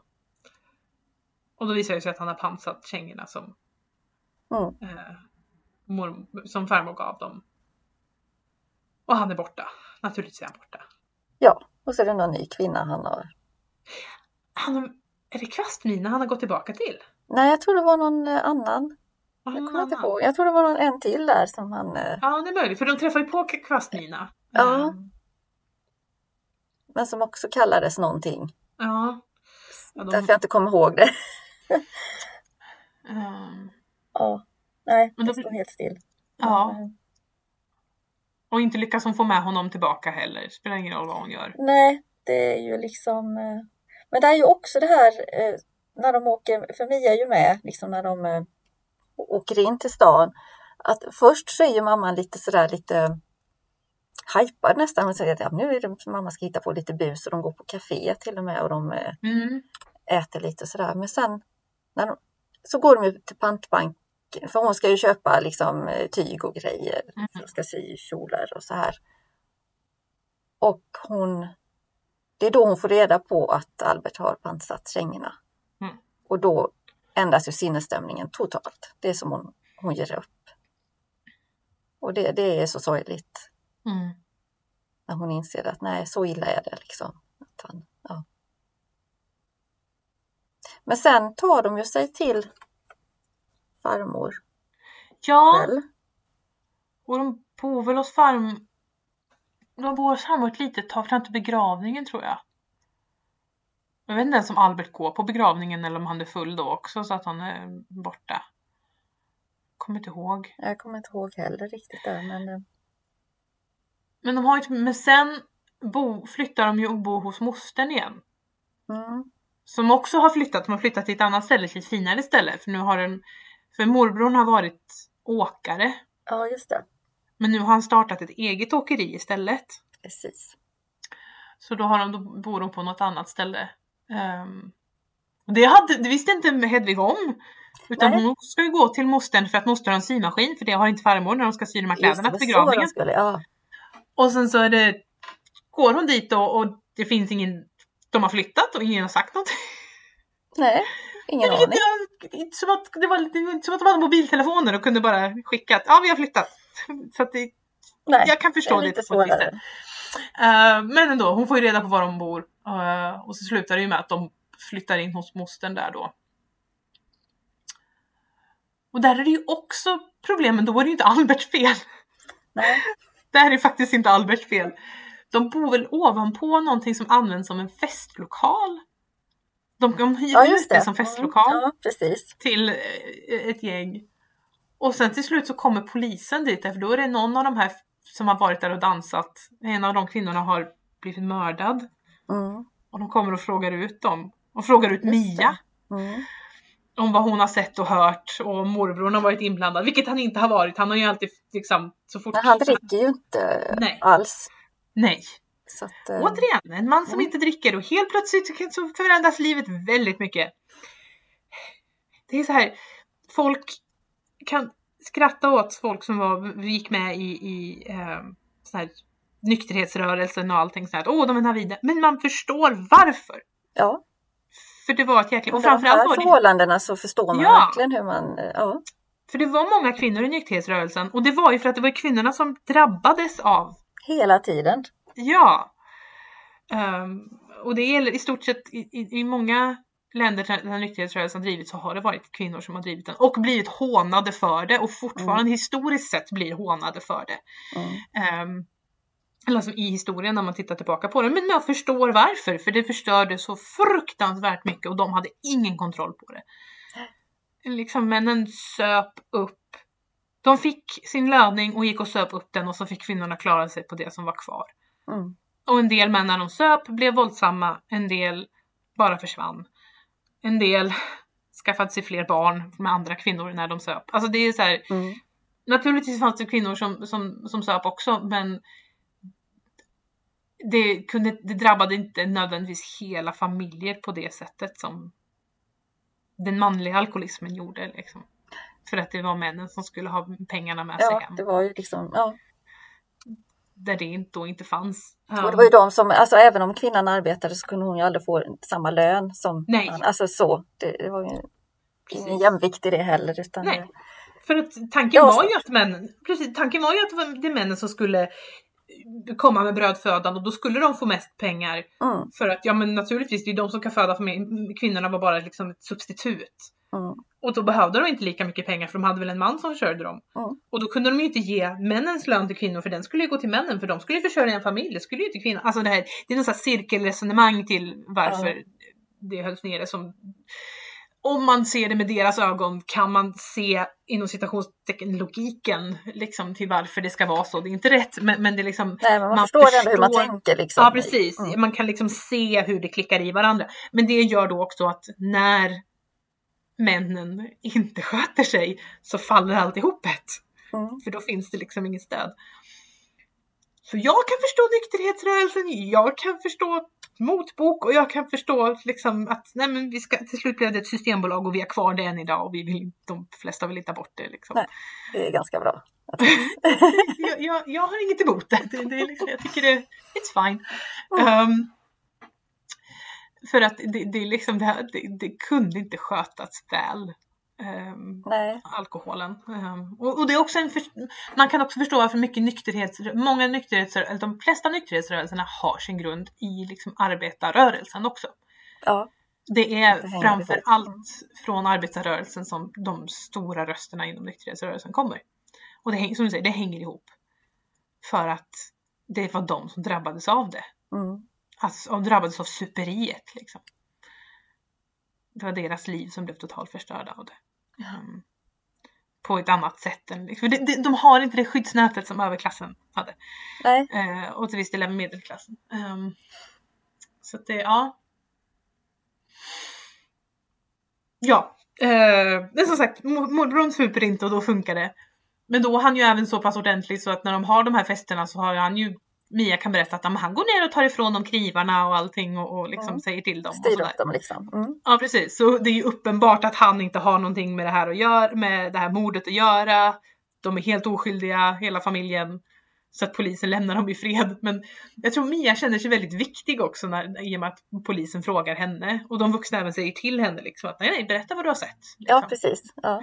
Här ska hon inte ljuga eller något, hon ska bara berätta. Och hon ska inte vara rädd. Och det är liksom, för de har inte gjort något fel, hon har inte gjort något fel. Eh, hon ska bara berätta det. Mm. Ja. Men vad hände sen efter det? För sen gick väl Albert upp och det är då de liksom, nej men bonden ska... För bonden har, stämmer väl honom? För kontraktsbrott?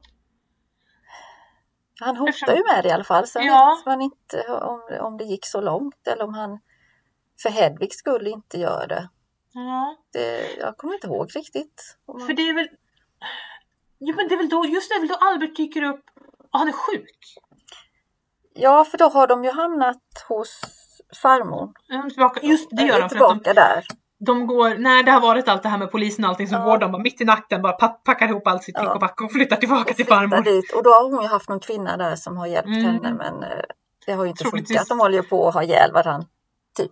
Ja, det finns väl en viss misstanke på att hon håller på att försöka förgifta farmor. Ja, precis. Men, Så att, säger- för då, då tar ju. Hedvig över liksom att nej men då Ja. hjälper vi dig och så ut med den andra kvinnan och så. Men sen dyker då Albert upp där Mm. någon kväll, natt och gråter utanför och Ah, helt så. Och då är han ju sjuk. Någon sån här syndig sjukdom.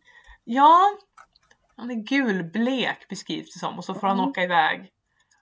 Och jag, jag, har, jag har inte slagit upp det, jag har, inte, men jag, jag har ingen aning om vad det ska vara för någonting. Ehm, vad det kan vara. Det var sen, jag läste någon annanstans och då stod det ju syfilis. Ah, Eh, Rent ut stod det det. Men jag vet inte vad jag läste det. Om det var...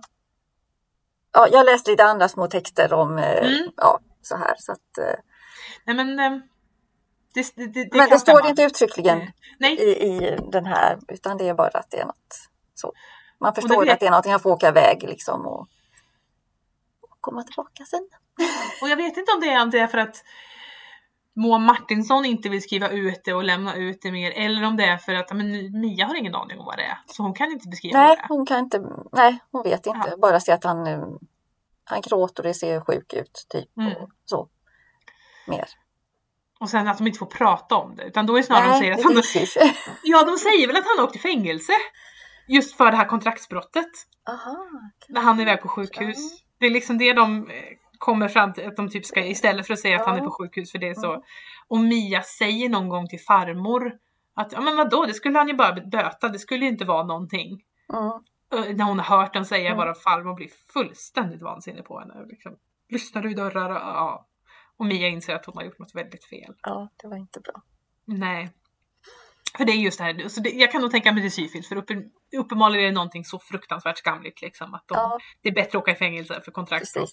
För det är inte så farligt. Det, gör, det, det händer var och en lite då och då. typ. Han super, vi vet hur det är liksom. Ja.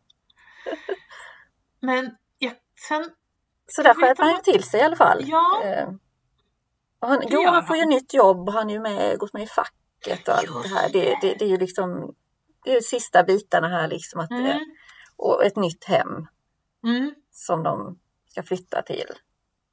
Och ja, det typ slutar väl jag tror det. där. Att hon, jo, hon berättar att hon, hon ska fylla nio år. Mm. Precis. Så då får man ju sammanhanget hur börjar vid sju och slutar vid nio. Mm. Den här romanen. Sen vet man Ja. då inte, ja, hur länge håller det? Nej, det är lite så. Är bara hoppas Um, att, eh, att han har liksom fått sig en tankeställare och kanske. Mm. Men det, är alltid, det hjälper ju oftast inte i längden ändå. Nej, jag vet inte vad, hon, vad de hade för botemedel mot syfilis på den tiden heller. Liksom, Man Nej. med kvicksilver men, men eh, jag vet inte om det är antibiotika du bokat botade med idag och då vet jag inte vad man gjorde däremellan. Um, Inte en susning. Jag har inte heller läst på någonting Nej. om eh, de här bitarna. um, nej, men, men nej, det slutar ju där. Och som sagt, jag har inte läst de följande två. Det slutar inte lika abrupt som Nässlorna blomma. Det tycker jag inte. Nej. Jag tycker det här är ett... Det är lite mjukare, lite så här. Man kan leva i den tanken att Mm. åh, de levde lyckliga alla sina dagar. Ja. Nej, men den, är liksom, Mm. den är mer avslutad. Liksom, det här är Mm. barn. Det är väl det är liksom barndomen sen kyrkbröllop. Har Ja. jag mist, är inte det när hon gifter sig? När, när Mia är tillräckligt stor för att gifta sig? Eller Jag tror att hon är, är tärna eller något sånt. ah, Hans, eh, jag tror det är det det syftar på. Jag kommer inte ihåg riktigt, men jag tror det är något sånt. Och sen sista delen är väl när hon eh, börjar jobba. Något, att hon är lite större. mm, Så det, det är liksom lite hopp emellan så här. Men, mm. men som sagt, jag kommer ihåg i princip ingenting. Nej. För efter vad jag förstår så är det ju, hon ville ju Moa Martinsson ville liksom skildra, hon ville ju skildra kvinnornas erfarenhet då av arbetarklassen. Ja. Vilket hon gör! Hon är, gör hon är väldigt, väldigt, väldigt ja, duktig på att få med många olika bitar så här i his, historiebitar om man säger. mm. Och många att, olika eh, öden, liksom, ja. hur det kan se ut på olika ställen, var man kommer ifrån och var, i olika situationer som kvinnor Precis. kan hamna i. Ja, Um, om till exempel då Kvastmina som bor på fatt, alltså fattigstugan med, Precis, med det liksom de med. äldre med Mm. hela sin familj bara för att ja, men det är det hon har. Uh, men hon ville skildra då det här att männen i deras uppväxtskildringar skildringar så skildrar de ju ofta sin väg ut mm. ur det här liksom eländet. Men hon skildrar att men kvinnor kan inte göra det. Nej, Så efter vad jag, liksom ja, härda ut ungefär. för att det är liksom ehm, det, det att Mia då, efter jag förstår, jag har inte läst om honom, men hon liksom, Mia lyckas inte bryta sig loss från sin ursprungsmiljö, sin fattiga ursprung, utan hon liksom blir Mm. fast där och får liksom, den formar på samma sätt som sin, sin mamma då, liksom blir kvar i den här miljön och måste vara liksom utsatt för mäns nycker på det sättet. Liksom Mm. att beror på vem, om du, om du träffar en, en redig kar eller inte. Mm. Att ditt liv är ganska avhängigt på det. Oh, ja. för, för just Mias mor, Hedvig är en, stark kvinna som du var- sa. En otroligt stark kvinna. Hon är kapabel. Hon är redig. Hon är ordentlig. Hon kan jobba, hon jobbar bra. Hon jobbar riktigt bra. Hon är långt ifrån arbetsskygg. Hon jobbar och sliter och ser till att det, verkligen. det, det ser bra ut hemma, tar hand om Mia. Hon är sträng och inte nödvändigtvis kärleksfull. Men det är liksom ändå, Mia älskar henne väldigt högt ändå. Mm. Mm. För det mesta, förutom när hon är kär i fröken. Men annars är, Ja. är liksom mamma den bästa. När inte mamma är tjock och ful, men det är ju flera olika anledningar där. Men även i allt så försöker hon jobba med, och hur hon än sliter så är hon ändå beroende på vad Albert gör. Mm. Om han lyckas vara nykter, om han lyckas behålla sitt arbete. För annars måste hon rycka upp allt igen och börja om från början. Mm. Och bara, de sjunker ju lägre och lägre och lägre på liksom samhällsstegen för Mm. varje jobb som Albert förlorar. För varje gång han går ner i en ny period. Och att hon kan liksom, hon, Hedvig kan inte lyfta dem. Hon Nej. kunde inte ens ta hem sitt eget barn för hon gifte sig med Albert. Hon var tvungen att ha henne utackorderad. Det är liksom den här att, att mm, hade hon då, och hade hon då träffat en redig karl istället för Albert, då hade Mm. de kunnat bo kvar där på Övägen och kanske liksom sen jobbat sig uppåt och Mm. uppåt Får det istället. liksom lite bättre istället. Ja, och det är ju liksom det. Men när hon då träffar någon, en periodare på det sättet som hon väl faller för för att han är charmig eller någonting. Mia förstår det inte så då förstår inte vi det. Nej. Eh, och då istället så bara att, man är så, att kvinnor är så beroende av vem det är de kommer i slag med. Mm. Att männen kan bryta sig loss. Det är liksom, de är eh, sig själv nog. De, det, är liksom, de Mm. styr över sitt eget öde Precis. och det gör inte kvinnorna. Hur starka och, kam, och, och kapabla de än är. Så styr de inte över sitt eget öde. Nej. För att det låter inte samhället dem göra. Och det är det en fantastisk skildring av. Oh ja, det är det. Riktigt, riktigt bra.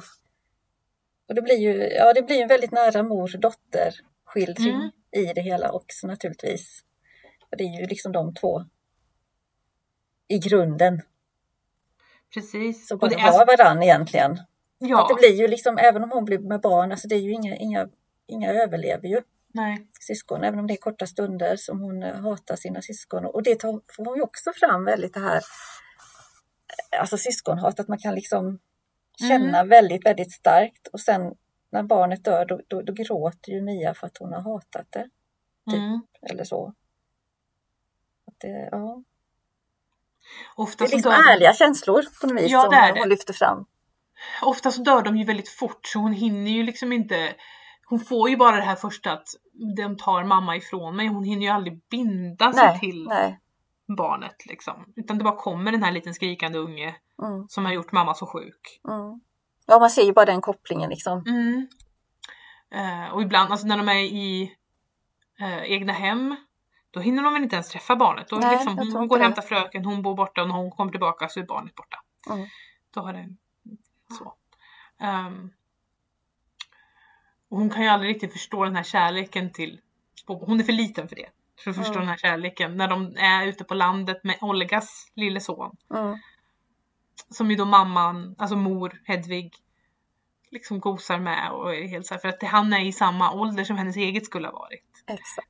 Så hon liksom nojsar med honom och Mia förstår inte varför. Nej.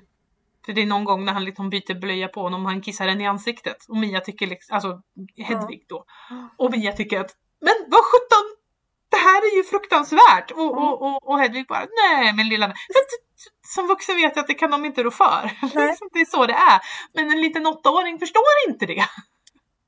Hon Nej. tycker bara att det är jättekonstigt. Tycker bara att hon tar hennes tid, liksom, mammatid. Ja, precis. Mm. Hon är otroligt avundsjuk på sin mammatid och det är, det är ju en anledning till varför hon avskyr sin styvfar så mycket för att han är ju liksom Det är ju faktiskt det. Ja. ja. Det är inte bara det här att han då, är, då och då försvinner och är elak och liksom på det viset utan det är nog mycket det att hon måste dela med, dela mm. med sig av mammans känslor. Hon, hon har ju några korta dagar där i början på boken när de precis har flyttat till det här eh, huset på Övägen.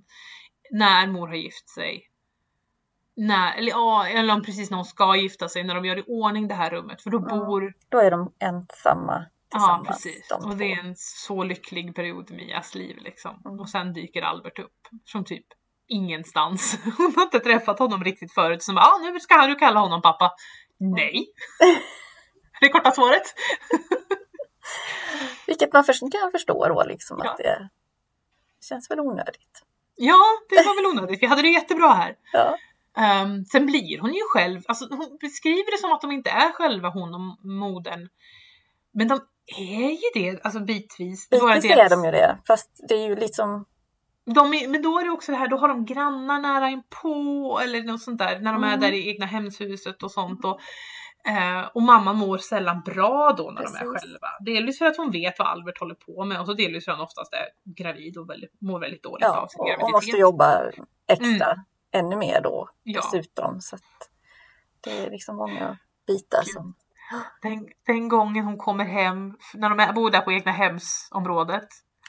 Och hon kommer hem en dag, Hedvig kommer hem en dag utan skor. Och Mia vet varför, det är för att hon har hittat Albert med någon ny och slängt skorna. Ja. Ja. Och liksom Mia förstår det med en gång. Ja. Bara, nej, okej. Okay. Och först när, när, jag, hör, när jag läste det först, jag bara vad? Och så när jag bara jaha, okej, okay, okej, okay, okay, nu är jag med, nu är jag med. Okej. Jag tror, där, där tror jag den gången, då slänger hon skorna även på den kvinnan han är med. Mm. För då tror jag hon var, då var hon arg på henne också. Um, annars är hon oftast väldigt, annars är Hedvig väldigt duktig på att lägga skulden där den hör hemma. Men uh, ja. just då var hon väl för var trött. Det, ja. Precis, det, det var för mycket helt enkelt. Mm. Ja. ja. Men en oh. riktigt, riktigt bra bok. Det är den.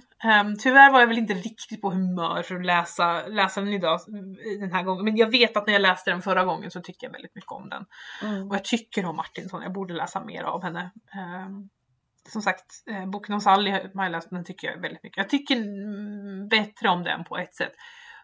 Men jag tror att det är för att de böckerna är skildrade från vuxna kvinnors perspektiv. Mm. Och då känner man sig inte lika maktlös. Nej. Uh, för det finns en viss maktlöshet i Mor gifter sig eftersom Mia kan ingenting göra. Hon kan bara se på. Uh, och det, det, det, är bra skildrat. Det är väldigt intressant och en väldigt bra bok. Men det är jobbigt att läsa. Mm. Eh, inte att den är lättläst men den är tung på ett sätt för att det är just den här hopplösheten att men gud bara. Man känner också som läsare, man känner med Mia, liksom, men bara gå, bara lämna honom, han har ingenting att ha. Och när han kommer tillbaka och är fin och har med sig liksom tyg till en skor till Mia och tyg till en klänning till Mia för han vet att det är så han ska göra. Han, Mm. har, inte, han har inte kläder till Hedvig, han har kläder till Mia för att det är så han kommer in igen. Då Mm. blir hon mjuk igen när han gör någonting för barnet. Och det är så här, åh! Usch.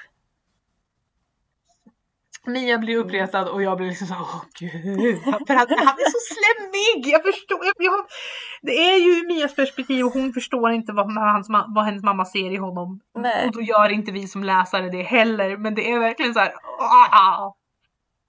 Ja, det är därför det blir ju extra jobbigt. Ja. Som du säger, att då är man liksom på barnets nivå där och bara liksom, "Mm, ja men fatta. Mm. Det är liksom, åh gud. Han har ingenting att ha. Nej. Men också, så jag vet inte hur det var med skilsmässa på den tiden. Faktiskt. Om du kunde skilja dig och gifta om dig. Ehm, Nej, jag vet inte. Det känns ju som att det är ganska löst.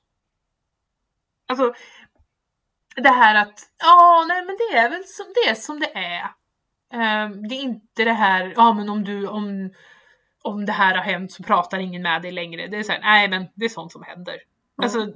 Ja, om, de, om det var tillåtet så är det så här, ja ja, nej men de är omgifta. Okej, för att man, alla lever sitt eget liv. Mm. Folk har inte tid, ja, folk har tid att skvallra. Det tycker de är Ja, jättekul. det, det har man väl alltid. Kanske. Men man har inte energi nog att liksom typ bry sig tillräckligt mycket om det för att ja, så länge folk sköter sig Mm. så är det väl bra som det är liksom. Håll det borta från mig bara, mig och mina. Mm. Känns det som. Jag Mm. vet inte om Nej. det faktiskt var så men Sen kan, återigen, det kan ju vara för att Mia inte uppfattar Ja, det, det är väl det liksom lite att eh, man tänker inte så långt. Man har inte den. Nej. Ehm, för som sagt, hon är jätteduktig på att hålla... Martinsson är jätteduktig på att hålla sig på barnets nivå. Mm. Att det är liksom... Ja, jag är Mia, jätteimponerad av det. ja, Verkligen. Att just Mia vet inte det här så då vet inte vi det heller. Det, det, det, det är liksom jätte... Och ändå så är det så mycket man får se. För Mia får ju se så mycket genom sin vandring. Ja, det ja, det, det får hon vara med på det här och där och uppleva. Ja, liksom hela det här spektrumet av personer och, och saker som händer. Ehm, men att hon ändå lyckas hålla det där liksom på, på barnets nivå är otroligt väl, välgjort. Um, det är en väldigt välskriven bok. Ehm, hon, Moa Martinsson blev liksom, hon var jättepopulär på 40-50-talet. Ehm, men sen och hon är populär senare också, men sen har en del så här litteraturkritiker här liksom, ja, mm, ja, ja, men hon, hon ja, det är liksom inte bra och det finns kompositionella brister och, och det är så här, Ja, lite där pe peta liksom. Ja, ja. peta Mm. lite och hon är inte till, hon, ja jag vet inte.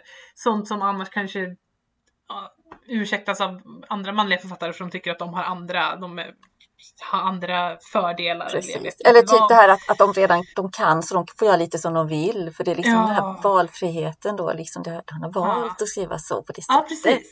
Men eh, som här, hon kan inte få ha det valet utan det känns lite så att man petar Mm. mer hårdare. Precis.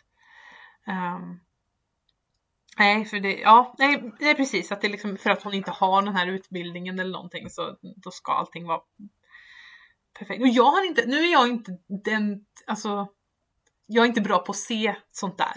Liksom, komposition, utan jag är ju väldigt, jag kan vara väldigt emotionell läsare liksom, om jag tycker om det eller inte. Precis. Jo men det är nog ja. jag med. Att, att då Ja. flyter det bara med. Då tänker man liksom Ja. inte riktigt. Eh, Och scener som sätter sig liksom i huvudet eller om du bara säger nej men jag kommer knappt ihåg vad jag har läst för att Mm. den, den, den sattes inte hos mig. Eh, men det gör ju den här liksom saker man kommer ihåg. Jag, kom, jag kommer ihåg, även fast hon inte är så mycket för att beskriva och, utan det är ju mer händelser så kommer jag ju väldigt ty, liksom, tydligt ihåg just det sockersirupshuset och när de bor där Mm. ute på, på landet och liksom de här Mm. det olika som har varit. Men mest kommer jag nog ihåg den här känslan av liksom att men gud kan ni inte få kan inte få ha någonting bra? Mm. Kan inte få behålla Mm. någonting bra nu? Kan inte få gå bra? Nej. Det får vi inte. Nej. Och det, det, det är liksom...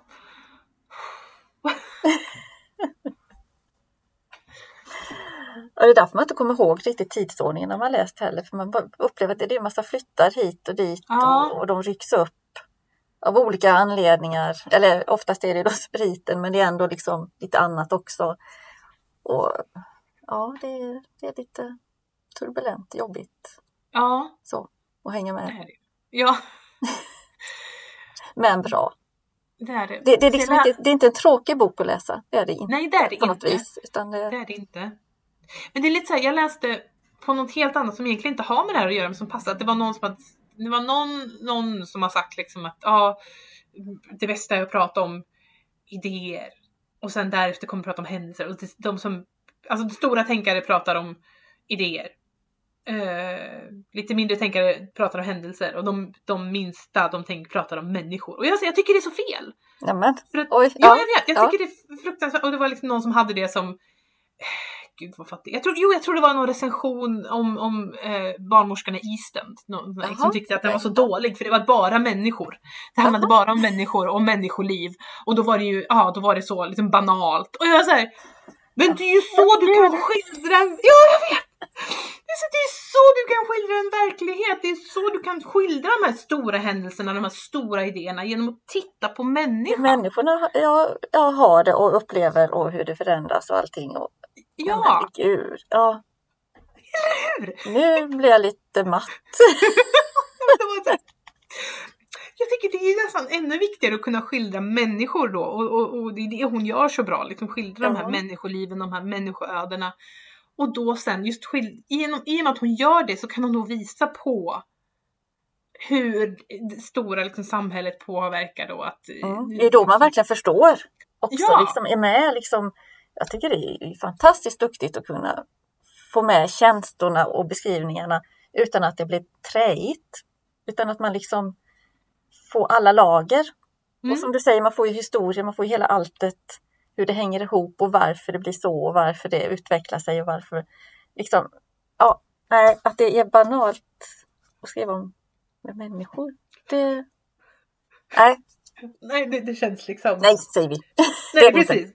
Det känns som ett extremt von oven perspektiv.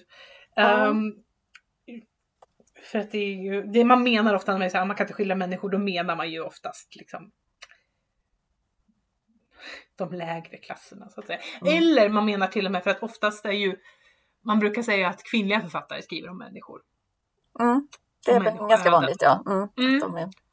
Och att det då är sämre Mm. inom citationstecken. Han använt väldigt mycket citationstecken ja, i det här sitter avsnittet och jag. viftar Men- här då och då. Ja, precis. så gör man det så kommer jag på just det, det här är inte ett visuellt medium, jag måste säga vad jag gör.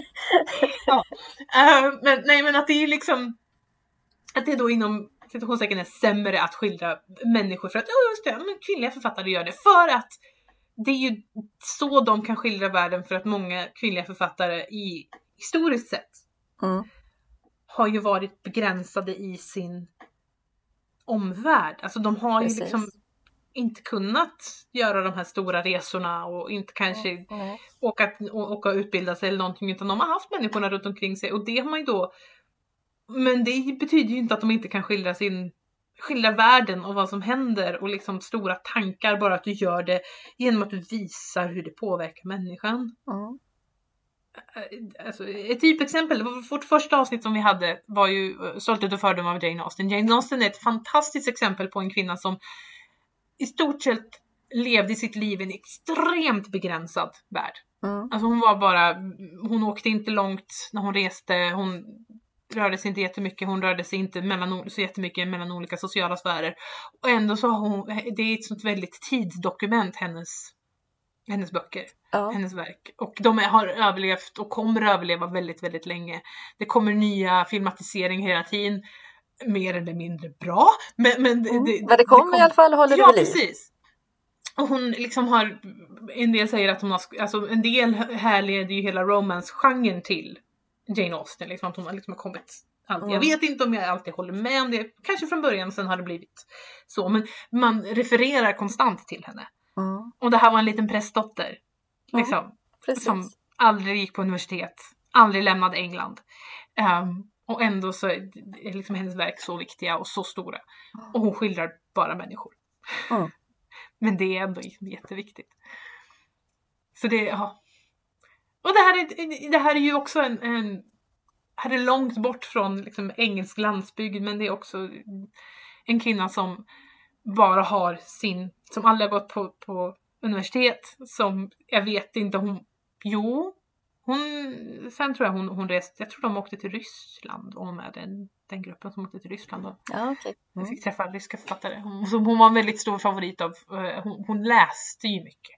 Mm. Det är ju det, det, det, är det, här, det är det som proletärförfattarna har, att de har ju, ja de kanske inte läst på universitet men de har läst själva. Mm. De har liksom inte ens folkskola utan de har liksom i sina egna små rum, kammare har de läst in sig på stora litteraturen och, och sen har de träffats och diskuterat eh, det hemmet som Moa byggde upp då tillsammans med Harry Martinsson var ju väldigt välbesökt av andra proletärförfattare. De kom och gick och de hade någon form av...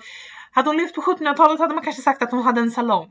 Liksom. Men det, det funkar ju kanske inte riktigt på, på eh, 30-talet i Sverige. Men, men det, det är liksom den, ja, en litterär salong. Mm, Mm. Så. Och skapa det. Och jag tycker det är intressant just att för mig, jag visste om Moa Martinsson innan jag visste om Harry Martinsson. Mm, jag med. Jag, jag hade hört Mm. talas om Mm. henne innan. För jag hade sett Mor gifter sig tror jag i skolbiblioteket till och med. Liksom. Mm. Och stått och hållit i den och funderat på att läsa den. Och han, jag visste inte ens att han existerade. Ehm, så, och sen när vi då, vi, när vi pratade förra gången, när vi, att han började ju egentligen inte skriva, han blev i alla fall inte publicerad förrän han hade träffat henne. Nej. Hon var ju redan publicerad när hon träffade honom. Ehm, de, hon hade ju inte släppt sin debutbok men hon hade ju skrivit den här eh, följetongen som hade lästs. Och hon hade skrivit i andra, alltså hon hade skrivit artiklar och sånt innan dess. Mm. Så att hon är ju på ett sätt, jag tycker hon är mer, liksom, hon är mer än vad han är. Men det var han som fick ett Nobelpris. Mm. Visserligen är han mer poetiskt, vilket kanske var mer accepterat i de högre kretsarna. Jag kan Men tänka mig det. Fast hon är mer spridd. mm, Som, eh, jag tror det. tror jag ändå. Att han är tung att läsa på ett sätt som hon inte är. Mm.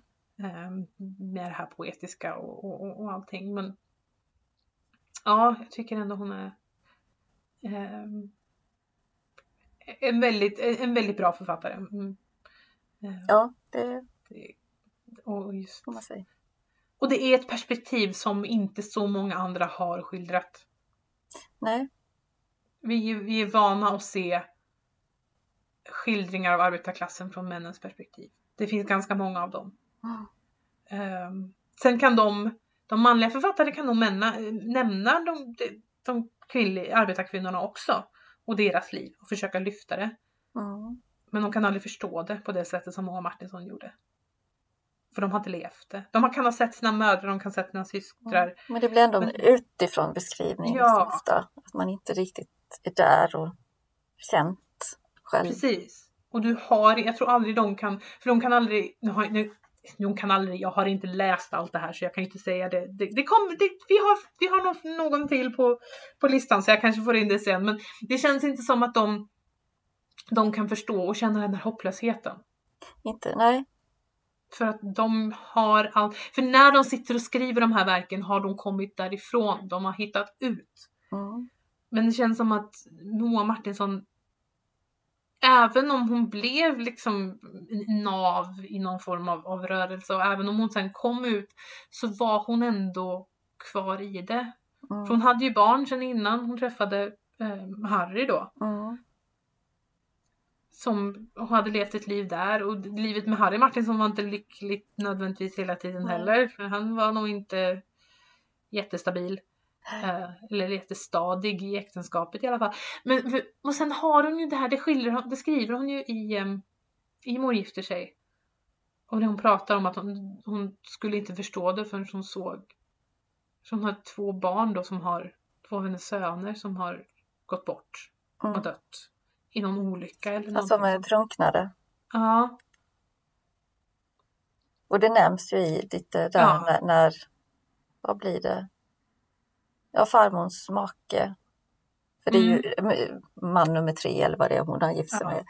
Eh, när han eh, ligger han ligger lik liksvept. Ja, precis. Och det är väl där hon nämner då att hon skulle stå an- x antal år senare Mm. med två små pojkar. Och då, Mm. då är det ju, syftar hon ju på sina söner. Då. Mm. Och då blev man ju också berörd för man förstår ju att det är en koppling. Första gången visste jag nog inte om eh, vad det handlade om utan det var jag tvungen att läsa in mig på sen. Mm. Men denna gången visste jag ju liksom att vad hon syftade på liksom. Och då blev man, man blev väldigt berörd. Ja, den, den är väldigt, den är väldigt rå. Mm. På, på, på senaste, alltså det här det går in. Jag tror det är därför den också, jag tycker om den. För den går in. Mm. Jag är en emotionell läsare och den här liksom går in och tar tag. Mm. Ja, verkligen. Men du ska orka med det också. Du Ja. ska ju vara beredd på det när du börjar Det läsa den. det. Ehm, att det här kommer att... Det här kommer vara jobbigt. Um, bitvis. Mm. Eh, jag kan inte säga att det är jättemycket humor i den. Eh, det, och det ska det nog inte vara heller. Nej, Ehm, men eh, det behöver det inte vara heller. Den. Allting behöver inte vara roligt. Allting behöver inte slätas över. Allting behöver inte romantiseras heller, för det gör hon inte. nej det är svårt. det är mer äkta rakt på så Mm. här. Alltså hon, hon, förskönar, hon förskönar ingenting och Ja, jag skulle säga det, det, hon försöker inte förbättra och hitta skönheten i det lilla för att den orken finns inte. Hon beskriver ju liksom visserligen hur de kan hon, hon får hem, alltså mamman skapar ett hem så gott hon Mm. kan. Den här kampen att försöka hålla dem hela och rena och det ska vara trevligt och hemtrevligt och det ska vara liksom ett hem samtidigt som hon är helt slut. Mm. De försöken finns ju där och de är ju skildrade på ett sätt med värme tycker Mm. jag. Ändå. Ursäkta mig. Men, men eh, men det är inte nödvändigtvis skill- det finns liksom inget skimmer över det. Nej. Utan det, det är liksom så här var det. Det var tufft som 17 men vi överlevde. Mm. Och jag överlevde tack vare min mor. Precis. Ja, det är Men stor sen- kärlek också i liksom Ja. allt det där. Även om hon beskriver det liksom hur rått och allting är så är det ändå stor värme och kärlek. Och det är ju vackert i sig liksom. Att, Mm. mm. Och sen just det här att, men också den här känslan av att ja, jag överlevde tack vare henne men vad är det för liv liksom? Vad hade hon för liv? Nej, precis. Och det läste jag. Hon hade ju ett eget eh, förord i boken eh, som Moa själv hade skrivit. Och där, vad var det nu? Jo, hon skrev där liksom att, eh, nu har jag bara kort lösryckt, behövde min mors liv vara så hårt och svårt trots att det då liksom var fred i, i landet och så här. Eh, och trots hårt arbete. Den frågan ställer hon sig. Mm. Och det... Ja. Det är tufft.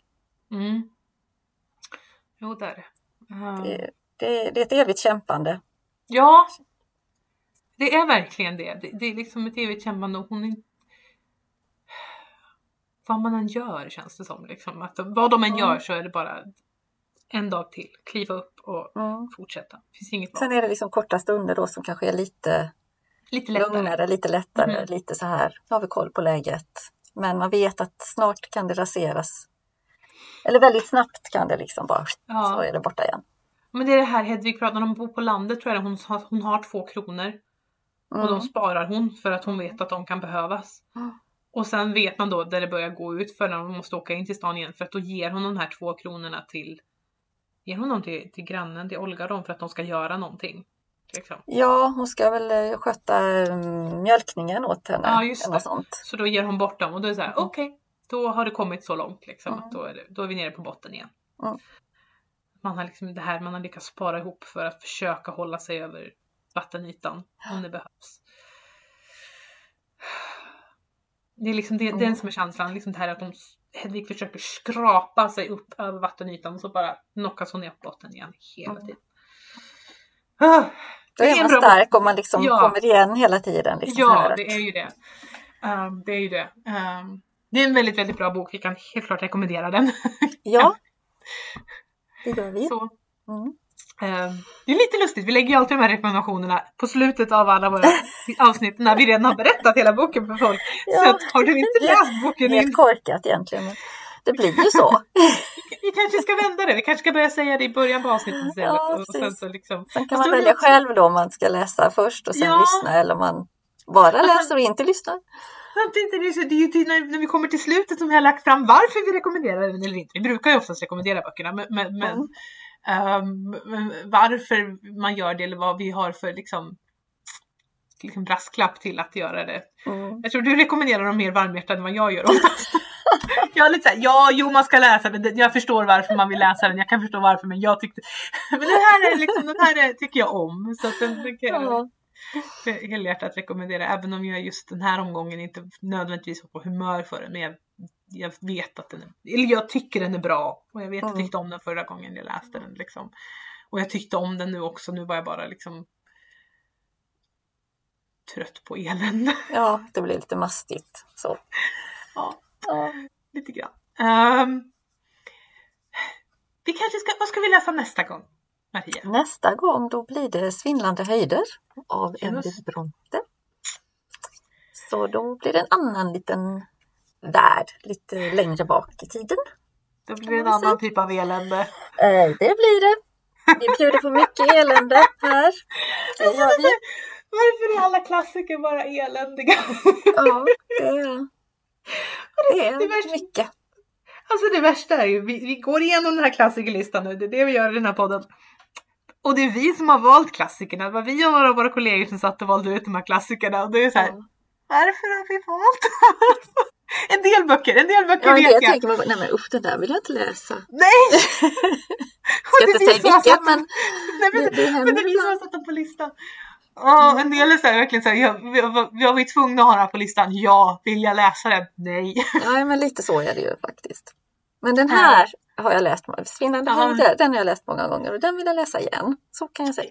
Ja, men jag har läst den förut eh, och ja, det kan bli intressant att läsa den igen. Det, det ska det bli. Ehm, eh, se om jag tycker annorlunda. Jag tror inte jag kommer tycka annorlunda om den. Jag, jag, jag är ganska informerad i mitt beslut om varför jag tycker Mm. som jag gör med den.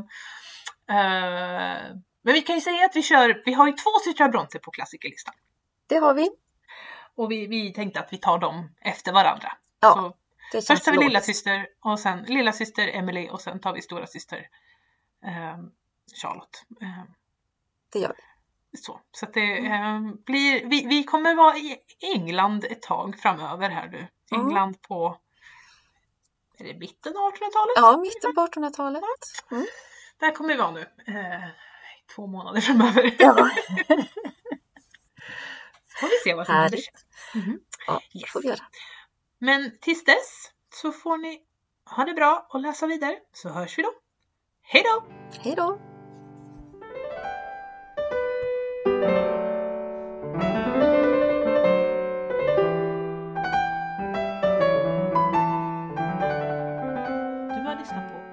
Läsklassikern med mig Ida Andersson och med Maria Hassel. En podcast från Gislaveds bibliotek.